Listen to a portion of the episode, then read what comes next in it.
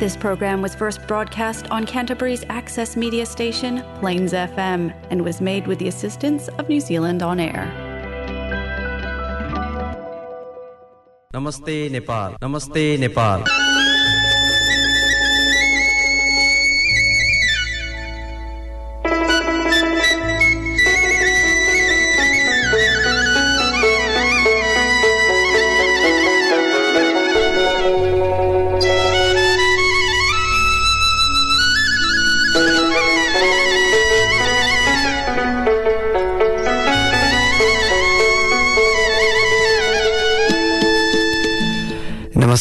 Plains FM ninety six point nine mega हजमा यो हो क्राइसिसवासी नेपालीहरूको आफ्नै कार्यक्रम कार्यक्रम नमस्ते नेपाल।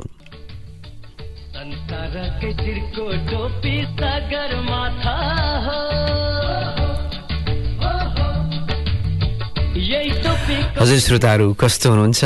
हप्ताको पहिलो दिनको पनि बसाइ लगभग सकिनै सकेको छ र नमस्ते नेपालको यो साँझमा रेडियो यात्राको यो क्रम पनि सुरु भइ नै सकेको छ।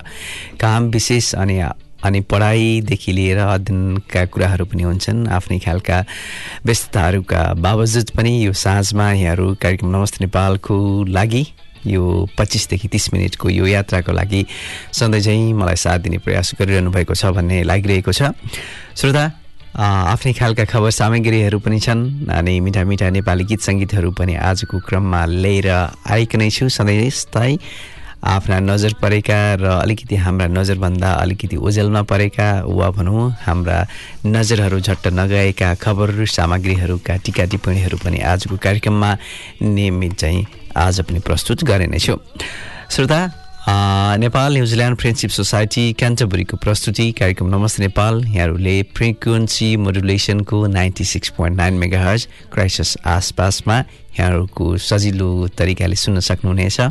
मोबाइलमा पनि मोबाइल स्टेसन नै भन्नुपर्छ फ्रिक्वेन्सी मोडुलेसनलाई।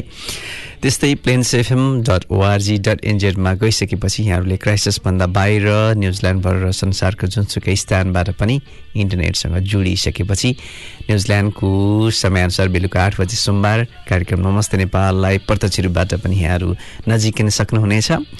त्यस्तै हामीले अलिकति सजिलोको लागि पनि नमस्ते नेपाल क्राइसिस न्युजिल्यान्ड नामको फेसबुक पेज पनि बनाएका छौँ र त्यहाँ प्रसारण भइसकेका कार्यक्रमका पोडकास्ट लिङ्कहरू पनि हामीले नियमित रूपबाट सेयर गर्दै आइरहेका छौँ र धेरैभन्दा धेरै श्रोताहरू कार्यक्रम नमस्ते नेपालका ती लिङ्कहरू मार्फत पनि हामीसँग जोडिनु रहनुभएको छ। यहाँहरू सम्पूर्णलाई आजको साँझमा पनि सधैँ चाहिँ म विनोद। हार्दिक स्वागत नमस्कार टक्राउँदछु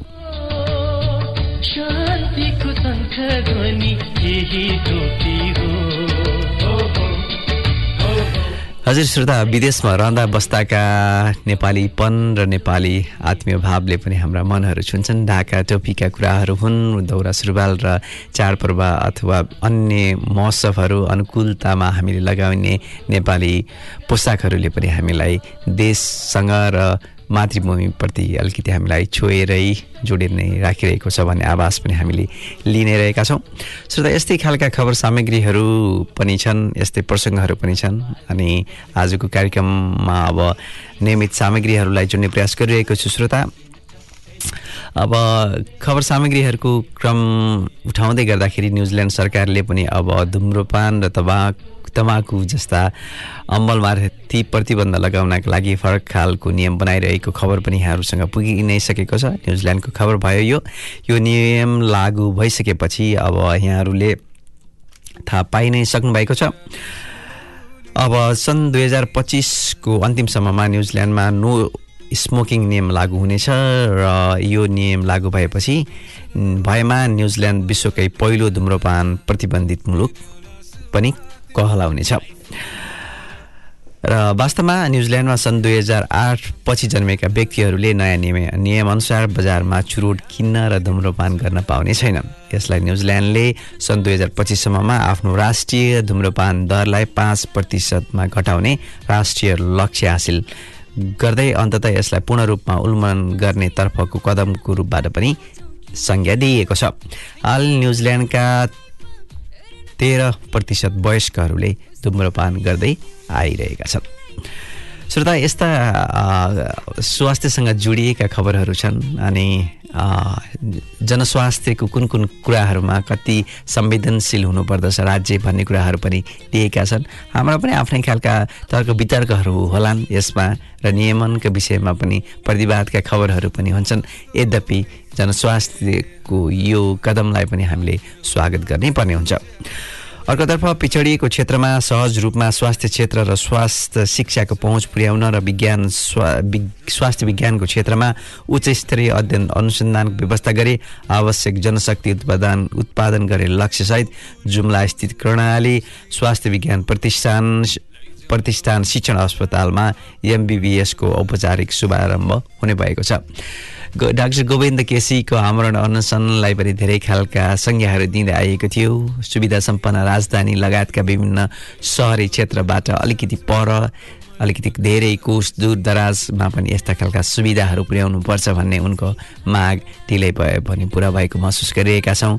अब त्यहाँबाट उत्पादित हुने जनशक्तिहरूले जब कार्यक्षेत्रमा जन जनस्वास्थ्यका कार्यक्षेत्रमा कार्य गर्न थाल्छन् त्यसपछिको प्रतिफलता हामीले महसुस गर्न पाउने दिनहरू छुट्टिनै जान्छन् वा लगभग आइ नै सकेका पनि छन् श्रोता अर्कोतर्फ टिप्पणीका कुराहरूमा थोरै छुन मन लाग्यो। हामी संविधानमा धर्मनिरपेक्षको राष्ट्रको व्यवस्था गऱ्यौँ जसलाई भारतको मोदी एन्ड कम्पनीले स्वीकार गरेन। उसले खुलेरै त भन्न सक्दैन तर पछिल्लो ढोकाबाट पसेर हाम्रो मुलुकलाई हिन्दू राज्य बनाउन खोजेको महसुस पनि गरिन्छ। हुन त हिन्दू राज्य र राज संस्था वा आफ्नो धर्मनिरपेक्षका कुराहरूका आफ्नै खालका राजनीतिक परिदृश्यमा आफ्नै खालका माग होलान् त्यसमा मेरो कुनै पनि सहमति र हाम्रो त्यसमा कुनै बेमति बेमति छँदै छैन। हुन त श्रोता अहिले पछिल्लो पटक नेकपा एमाले राष्ट्रिय प्रजातन्त्र पार्टीले पनि महाधिवेशन गरिसकेका छन् भने नेपाली काङ्ग्रेसको चलिरहेको छ। कतै वैचारिक बहस छैन सबै नेतृत्व चयनमा केन्द्रित भएका छन्। यस्तै खालका टिप्पणीहरू सुरु भइ नै सकेका छन्। जसरी हुन्छ राजकीय संस्थाहरूलाई नियन्त्रणमा राख्ने स्रोत साधन पार्टी र राज्य नै कब्जा गर्ने लडाइँमा लागे जस्तो देखिन्छ। सभापतिसहित एक सय चौतिसजनालाई चुन्न चार हजार सात सय त्रिचालिस महाधिवेशन प्रतिनिधिले भोट हाल्ने भएका छन्। हुन त श्रोता अलिकति यो टिप्पणीलाई पनि अलिकति आइरोनिक रूपबाट प्रस्तुत गर्न खोजेको हो देशको सबैभन्दा जेठु पार्टीले प्रविधिको यो जमानामा मतदानको पुरानो अभ्यास दोहोऱ्याउँदै मतपत्र खसाल्न हरियो रङका पानी ट्याङ्कीको बिर्कोमा मत खसाल्न मिल्ने गरी पाल पारेर मतपेटिका बनाएको हो। यसअघि सम्पन्न एमालेको दशौँ महाधिवेशनमा विद्युतीय भोटिङ मेसिन मार्फत मतदान गरी नेतृत्व चयन भएको थियो। यसरी श्रोता आजको कार्यक्रममा यी यस्तै खबरहरूका साथमा यहाँहरूलाई कार्यक्रम नमस्ते नेपालको यो रेडियो यात्रामा स्वागत गरि नै सकेको छु। अब साङ्गीतिक कोशीले पनि हाम्रो कार्यक्रमको एउटा अर्को पाटो हो। त्यसैले आजको कार्यक्रमको सुरुवातमा यहाँहरूलाई यो पुरानो गीत विवेक श्रेष्ठको यो आवाज अब यहाँहरूको लागि प्रस्तुत गर्दैछु। जिन्दगी यो उत्सव हो वरदान ईश्वरको। सृष्टिका सृजना आफ्नै बुझौ मूल्य यसको। जिन्दगी यो उत्सव हो वरदान ईश्वरको जिन्दगी यो उत्सव हो वरदान ईश्वरको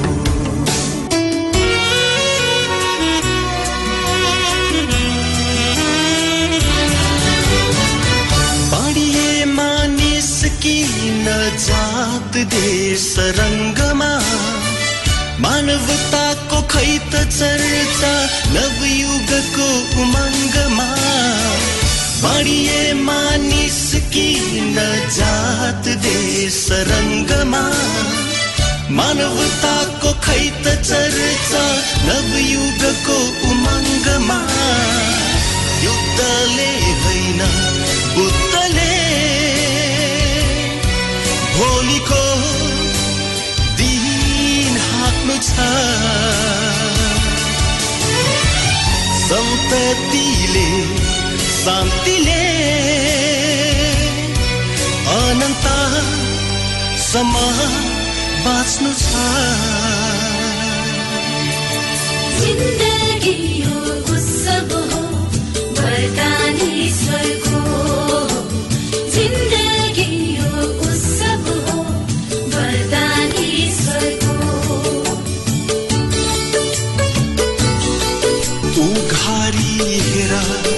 मनका ती आँखा। संसारै खुल्दछ बाँडेर हेर निस्वार्थ माया। इन्द्रेणी झुल्दछ चिन्ताले होइन चिन्तले दिव्य प्रकाश संसारै आफ्नो आफन्त। हजुर श्रोता यो गीतका द शब्दहरूमा आफ्नै खालका दम र ओजहरू छन्। अब शब्दहरूले के मात्र बयान गर्न सक्दैन त्यसमा पनि सङ्गीत भरिसकेपछिका त्यसका स्पन्दनहरूले शब्दका अर्थहरूलाई गहिरो रूपबाट पनि पुनर्पुष्टि गर्छ र गहिरो रूपबाट हामीले बुझ्ने आवाज गर्ने अवस्थामा लिएर आउँछ भन्ने हाम्रो बुझाइरहेको छ श्रोता। कार्यक्रम नमस्ते नेपालमा हामी यस्तै खालका गीत सङ्गीत अनि सामग्रीहरू पनि प्रस्तुत गर्दै आइरहेका छौँ अनि त्यसपछि यहाँहरूलाई अन्य कुराहरू पनि जोड्ने गर्दछौँ। त्यसै क्रममा अब अब नियमित सामग्रीहरूको क्रम यहाँ उठाउन मन लाग्यो। श्रोता क्रिकेट पनि हाम्रो खेलबाट धेरै टाढा रहेन। अब क्रिकेटका हरेक पक्षहरूसँग हामी जोडिएका छौँ। त्यसपछि क्रिकेटमा पनि नेपालको क्रिकेटसँग हामी टाढै भए पनि जोडि नै रहेका छौँ र अहिले पछिल्लो पटक प्रशिक्षकको रूपबाट पुबुदु देशानायकेको दोस्रो इनिङ भएको छ नेपाली क्रिकेटमा। श्रीलङ्काका लागि एघार टेस्ट सोह्र एक दिवसीय अन्तर्राष्ट्रिय खेलेका पुबुदु दशानायके पछिल्लो दुई दशकदेखि क्यानाडामा बस्दै आएका भए पनि फेरि एकपटक नेपालको क्रिकेट प्रशिक्षक बनेका छन्। दशानायके आइसकेपछि नेपाली क्रिकेटले ठुलै उडान लिएको हामीले देखि नै सकेका छौँ। डिभिजन चारमा रहेको नेपाल डिभिजन चार र डिभिजन तिन खेल्दै जित्दै र एक दिवसीय विश्वकपको छनौटसम्म पुगेको थियो। दशनायके आउन अघि नेपाल एसिसी टी ट्वेन्टीको सेमी फाइनलसम्म पनि पुगिन सकेको थिएन र उनकै प्रशिक्षणमा नेपाल सन् दुई हजार एघारमै एसिसी ट्वेन् टी ट्वेन्टीको सेमी फाइनलमा मात्र पुगेन। सन् दुई हजार तेह्रको अर्को संस्करणमा फाइनल पुग्यो र त्यहीबाट ट्वेन्टी टी ट्वेन्टीको विश्वकप छनौट हुँदै विश्व ट्वेन्टी ट्वेन्टीमा समेत पुग्यो। र श्रोता अब दशनायकीको यो जिम्मेवारीले अर्को अब फेब्रुअरी पन्ध्रदेखि ओमानमा टी ट्वेन्टी विश्वकप छनौट हुने तालिका छ। त्यसमा कस्तो खालको नतिजा आउँछ? त्यसपछि नै उनको दोस्रो इनिङको सुरुवात हुनेछ। हामीले त्यसलाई त्यसरी नै लिइरहेका छौँ। हुन त श्रोता हामी रेडियो टिभी टिभीहरू सजिलो रूपबाट हेर्छौँ बुझ्छौँ अनि प छापामा आएका खबरहरू पनि सजिलै हामीले पढिरहेका हुन्छौँ। तर ती उत्पादन र ती सङ्कलनको क्रममा र त्यसको टेक्निकल रूपबाट प्राविधिक सम्प्रेषण र उत्पादनका क्रममा कति खालका कठिनाइहरू छन् त्यो आफ्नै ठाउँमा छन्। ती कतिहरू देखिँदैनन् कति अप्ठ्यारा हुन्छन् कति थोरै मात्र आवाज गर्न सकिने खालको हुन्छ। जस्तो भए पनि खबर पुर्याउने खबर श्रव्य र दृश्यका खबरहरू पुर्याउँदै गर्दाखेरि पनि पत्रकारहरूले ठुलै खालको जटिलता र ज्यानै गुमाउनु पर्ने अवस्थासम्म आएको घटना हुन्छ। सन् दुई हजार एक्काइस पत्ररा पत्रकारहरूका लागि खराब वर्ष बन्न पुगेको छ। यो वर्षको सुरुदेखि डिसेम्बर एक एकसम्ममा विश्वभर दुई सय तिरानब्बेजना पत्रकारहरू जेल परेका छन्। समाचार सङ्कलन वा न्युज कभरेजका क्रममा विश्वभरका चौबिस पत्रकार मारिएका छन् र त्यसमध्ये अठारजना पत्रकारले समाचार सङ्कलनकै क्रममा ज्यान गुमाएका छन्। श्रोता अहिले पछिल्लो पटक सशस्त्र द्वन्द्व कालमा भएको पत्रकार डेकेन्द्र खड्काको अहिले हत्यामा जोडिएका तिनजनालाई पनि अहिले पछिल्लो पटक सजाय तोकिएको खबर पनि आएको छ। नेपालतर्फको खबर खबर भयो श्रोता यो। अब त्यसपछि यहाँहरूलाई इतिहासको यो हप्तामा क्रिकेटकै कुराहरू उठिरहेको थियो। अब यो न्युजिल्यान्डको इतिहासमा भएको एउटा छोटो खबर यहाँ जोड्न चाहेँ। बिस डिसेम्बर सन् अठार सय बत्तिसको दिनको कुरा हो श्रोता। न्युजिल्यान्डको इतिहासमै पहिलोपटक नर्थ आइल्यान्डको पहिया को क्रिकेट पहिया भन्ने ठाउँमा क्रिकेटको पहिलो म्याच भएको थियो। यसको श्रेय चर्च मिसनरी साइन सोसाइटीका नेता हेनरी विलियम्सलाई जाने गर्दछ। विलियम्सले क्रिकेटका सामग्रीहरू न्युजिल्यान्डका भेट्याएका थिए र उनी क्रिकेटका साह्रै नै सौखिन थिए उनको चर्च मिसनरी स्कुलका विद्यार्थीहरूलाई परीक्षा सकिएको भोलिपल्ट बिदा दिएर पहियाको होरुटुटु भन्ने स्थानमा पहिलोपटक क्रिकेट खेल्ने अवसर दिएको थियो। प्रकृतिवादी वैज्ञानिक चार्ल्स डार्विनले त्यसको पहिलोपटक क्रिकेट भएको दिन पछिको तिन वर्षपछि वाइमाटेको नर्थ मिसन स्टेन्डमा भएको अर्को क्रिकेट खेल प्रत्यक्ष रूपबाट हेरेका रहेछन्। यो खेलमा पनि माहौरी र पाकेया छात्राहरूले मात्र भाग लिएका थिए। श्रोता रोचक त के थियो भने क्रिकेट क्रिकेटको ज्ञाता व्यवस्थापक समेत रहेका विलियम्सले आफैले गरेको बलमा पाँच वर्षीय एडविन फ्योरवनले एक रन लिएर सबैलाई आश्चर्य पारेका थिए। यो सन् अठार सय बत्तिसका दिन वा भनौँ डिसेम्बर बिसका दिन भएको न्युजिल्यान्डको इतिहासमा पहिलोपटक क्रिकेट खेलिएको घटनासँग जोडिएको खबर थियो। त्यस्तै श्रोता डिसेम्बर आठ अर्थात् अन्तर्राष्ट्रिय आप्रवासी दिवसको पनि उठान गर्नुपर्ने हुन्छ। रोजगारी र जीविकोपार्जनका लागि अन्य देश जाने र बस्ने प्रक्रियालाई सामान्य रूपमा आप्रवासन भनिन्छ आप्रवासीहरू जुन देशमा पुगेको हो त्यही देशको कानुन अनुसार सेवा सुविधाको मान्यता पाउनुपर्छ भन्ने सन्देश फैलाउन सन् दुई हजारदेखि हरेक वर्ष डिसेम्बर अठारका दिन यो दिवस मनाउँदै आइएको छ। आप्रवासीको हित मानव विकासको फराकिलो दायराभित्रको महत्त्वपूर्ण अंश हो। नेपाली आप्रवासीहरूले आफू र आफ्नो परिवारको उन्नति तथा भलाइका लागि देश बाहिर गई सङ्घर्ष गर्दै आएका छन्। विशेष गरी नेपालीहरूको गन्तव्य खाडी मुलुक मलेसिया दक्षिण कोरिया पूर्वी अमेरिका हो भने अहिले पछिल्लो पटक नेपालीहरू युरोपसहित अस्ट्रेलिया न्युजिल्यान्ड लगायतका एक सय नब्बेवटा देशभन्दा बढीमा पनि पुगिरहेका छन्। श्रोता यसरी आप्रवासीहरू भए पनि आप्रवासमा बस्नु परे पनि देशप्रतिको माया हामीले भुलेका हुँदैनौँ। हाम्रो भाषा र त्यहाँको वेशभूषाप्रति र त्यहाँको चालचलन प्रति हाम्रो झुकाव उति नै रहिरहेको हुन्छ। यी यो नमस्ते यो पनि नमस्ते नेपालको कार्यक्रम। यहाँ मनाइने विभिन्न चाडपर्वका क्रियाकलापहरू पनि अवसरहरू पनि यी यस्तै खालका उदाहरणहरू हुन् भन्ने जस्तो पनि लाग्छ। श्रोता बेलुका आठ बजेदेखि Plains FM ninety six point nine mega हाउजमा यी यस्तै खालका खबरहरू हामी प्रस्तुत गर्दछौँ। त्यसपछि बाँकी रहेको खबरमा अन्य क्रमको निरन्तरता म दिने नै छु। अहिले नै भने यहाँहरूलाई एउटा मिठो गीत प्रस्तुत गर्न चाहन्छु। आउनुहोस् यो रेलको कुरा गरिहालौँ। रेलको बाटो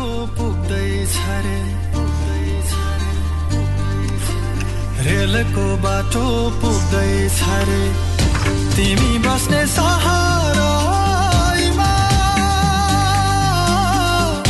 हुम्ला कहिले मोटर आउला हुम्ला कहिले मोटर आउला बसाको सुरहारामा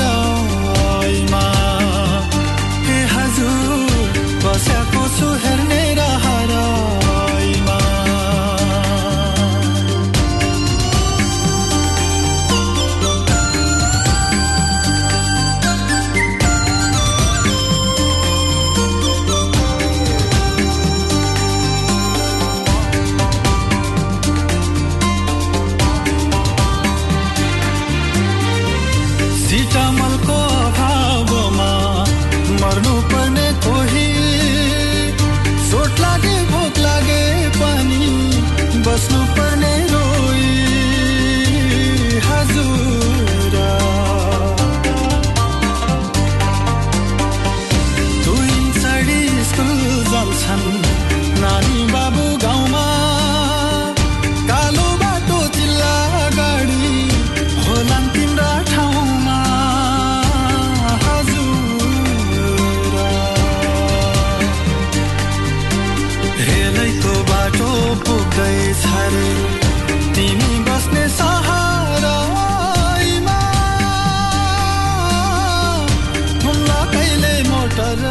श्रोता मोनोरेलको कुराहरू पनि अब मेयरले नै बनाउन सकेन भन्ने घोषणा गरिसकेको बेलामा यो पश्चिम नेपालको दुःख पीडाको यो गीत पनि हामीले महसुस गरि नै सकेका छौँ। जीवनमा अनेक अनेक खालका मोडहरू आउँछन्। यस्तै खालको मोडहरूमा रेलले पनि छुन नसकेको र मोटर बाटो नपुगेको ठाउँको कुराहरू अनि अप्ठ्याराका अनगिन्ती कुराहरू यो गीत र सङ्गीतले व्यक्त गरिरहेका हुन्छन्। श्रोता जीवनको नयाँ मोडमा यो शीर्षकमा म आज रोजी लामाको एउटा मार्मिक जीवन कथाको छोटो पाठ छोटो सारांश यहाँ प्रस्तुत गर्न लागिरहेको छु। श्रोता मानिस बुद्धि विवेक र चेतनाले अब्बल मानिन्छ तर पनि मानिसका केही हरकतहरू भने गर्व गर्न लायक पटक्कै हुँदैनन्। बाइस वर्ष हुँदा आफ्नो श्रीमानको दुर्घटनामा मृत्यु हुँदा उनको गर्भमा पाँच महिनाकी छोरी थिइन्। जब उनले छोरीलाई जन्म दिइन् थापाथली स्थित प्र प्रसुति गृहमा उनलाई भेट्न पुगेका देवरले छोरी जन्मिएको भनेपछि मुखमा थुकेर फर्किएका रहेछन्। अनि परिवारमा सम्पत्तिका नाममा झगडा हुन थालिसकेपछि उनले घर छाडिन् र माइतीसँग उनको सम्पर्क छुट्यो घर छोडेपछि विरक्त भएर एक दिन पशुपति आर्य घाट पुगिन् र टोलाएर बसिन्। एघार महिनाको बच्चा च्यापेर त्यहाँ पुग्दा उनलाई के भयो भनेर कसैले सोधेन। एउटा कुकुर र उनको छेउमै एउटा कुकुर उनको छेउमै आएर टाँसिएर बस्यो माया लाग्दो गरी। कुकुर त्यहाँ बस्दा उनलाई कसैले सहारा दिए जस्तो लाग्यो। मान्छेले व्यवस्था गरेको ठाउँमा जनावरले माया गर्यो। उनको जीवनको सङ्घर्ष तथा कुकुरप्रतिको माया त्यहीँबाट सुरु भएको हो श्रोता। जसले विगत अहिले रोमी लामाले विगत पच्चिस तिस वर्ष अघिदेखि सडकमा व्यवहारैसी व्यवहारैसी अवस्थामा रहेका कुकुरहरूको स्याहार सुसार गर्दै आइरहेकी छन्। उनी दुर्घटनाबाट घाइते भएका र बिरामी अवस्थामा रहेका तिन हजारभन्दा बढी कुकुरको अहिलेसम्म उद्धार गरिसकेकी रहेछन्। श्रोता यसरी जनावर वा भनौँ कुकुरसँग जोडिएको रोमी लामाको कथाको यो सारांश यहाँहरूलाई प्रस्तुत गरि नै सकेको छु।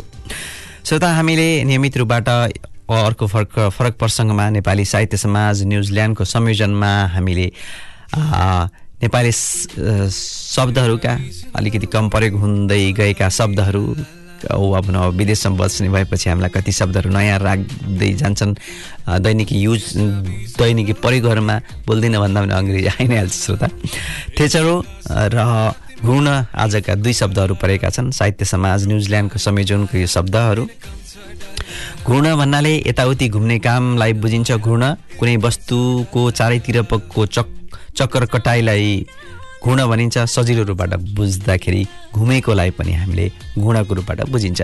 थेचरो भन्नाले अलिकति गाली गाली गर्दाखेरि अलिकति नराम्रो सङ्केत गर्दाखेरि बुझ्नुपर्छ जस्तो लाग्छ श्रोता। जति गाली गरे पनि केही प्रभाव नगर्ने जति छिछि र दूर दूर गरे पनि केही नलाग्ने घिना अचेरी थेचर थेत्तर थेत्तरोलाई पनि थेचरो भनेर बुझिँदो रहेछ। साहित्य समाज न्युजिल्यान्डलाई पनि धेरै धेरै धन्यवाद यो शब्द संयोजनका लागि।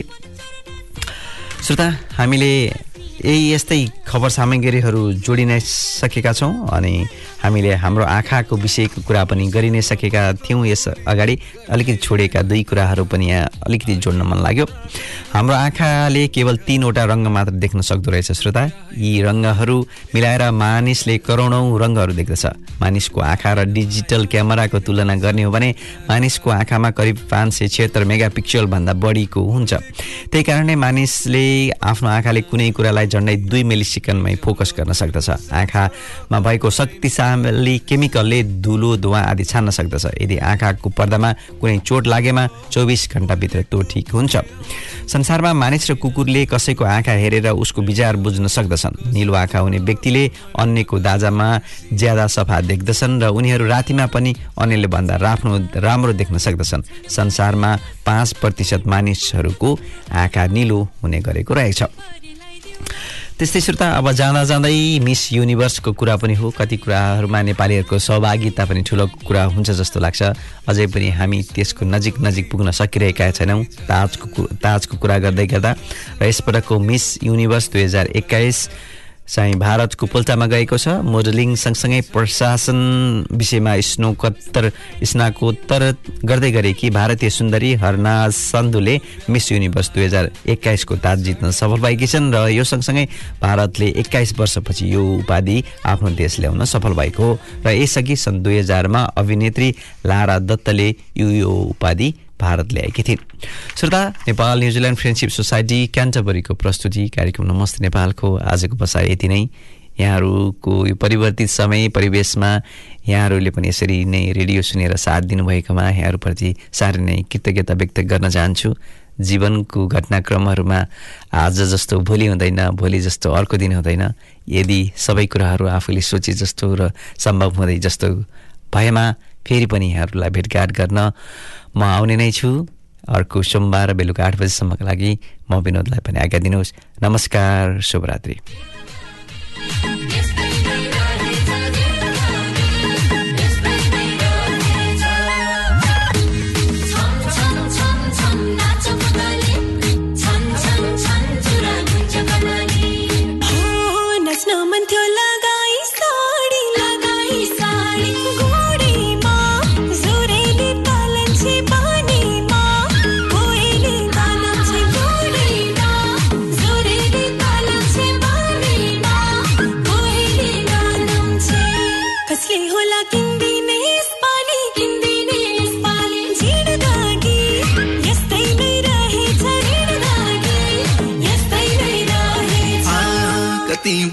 ऐनामा हेरी ऐनामा हेरी।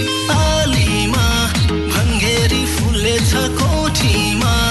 यो मन भालेछ आलीमा भङ्गेरी फुलेछ कोठीमा। यो मन भुलेछ नमस्ते नेपाल नमस्ते नेपाल।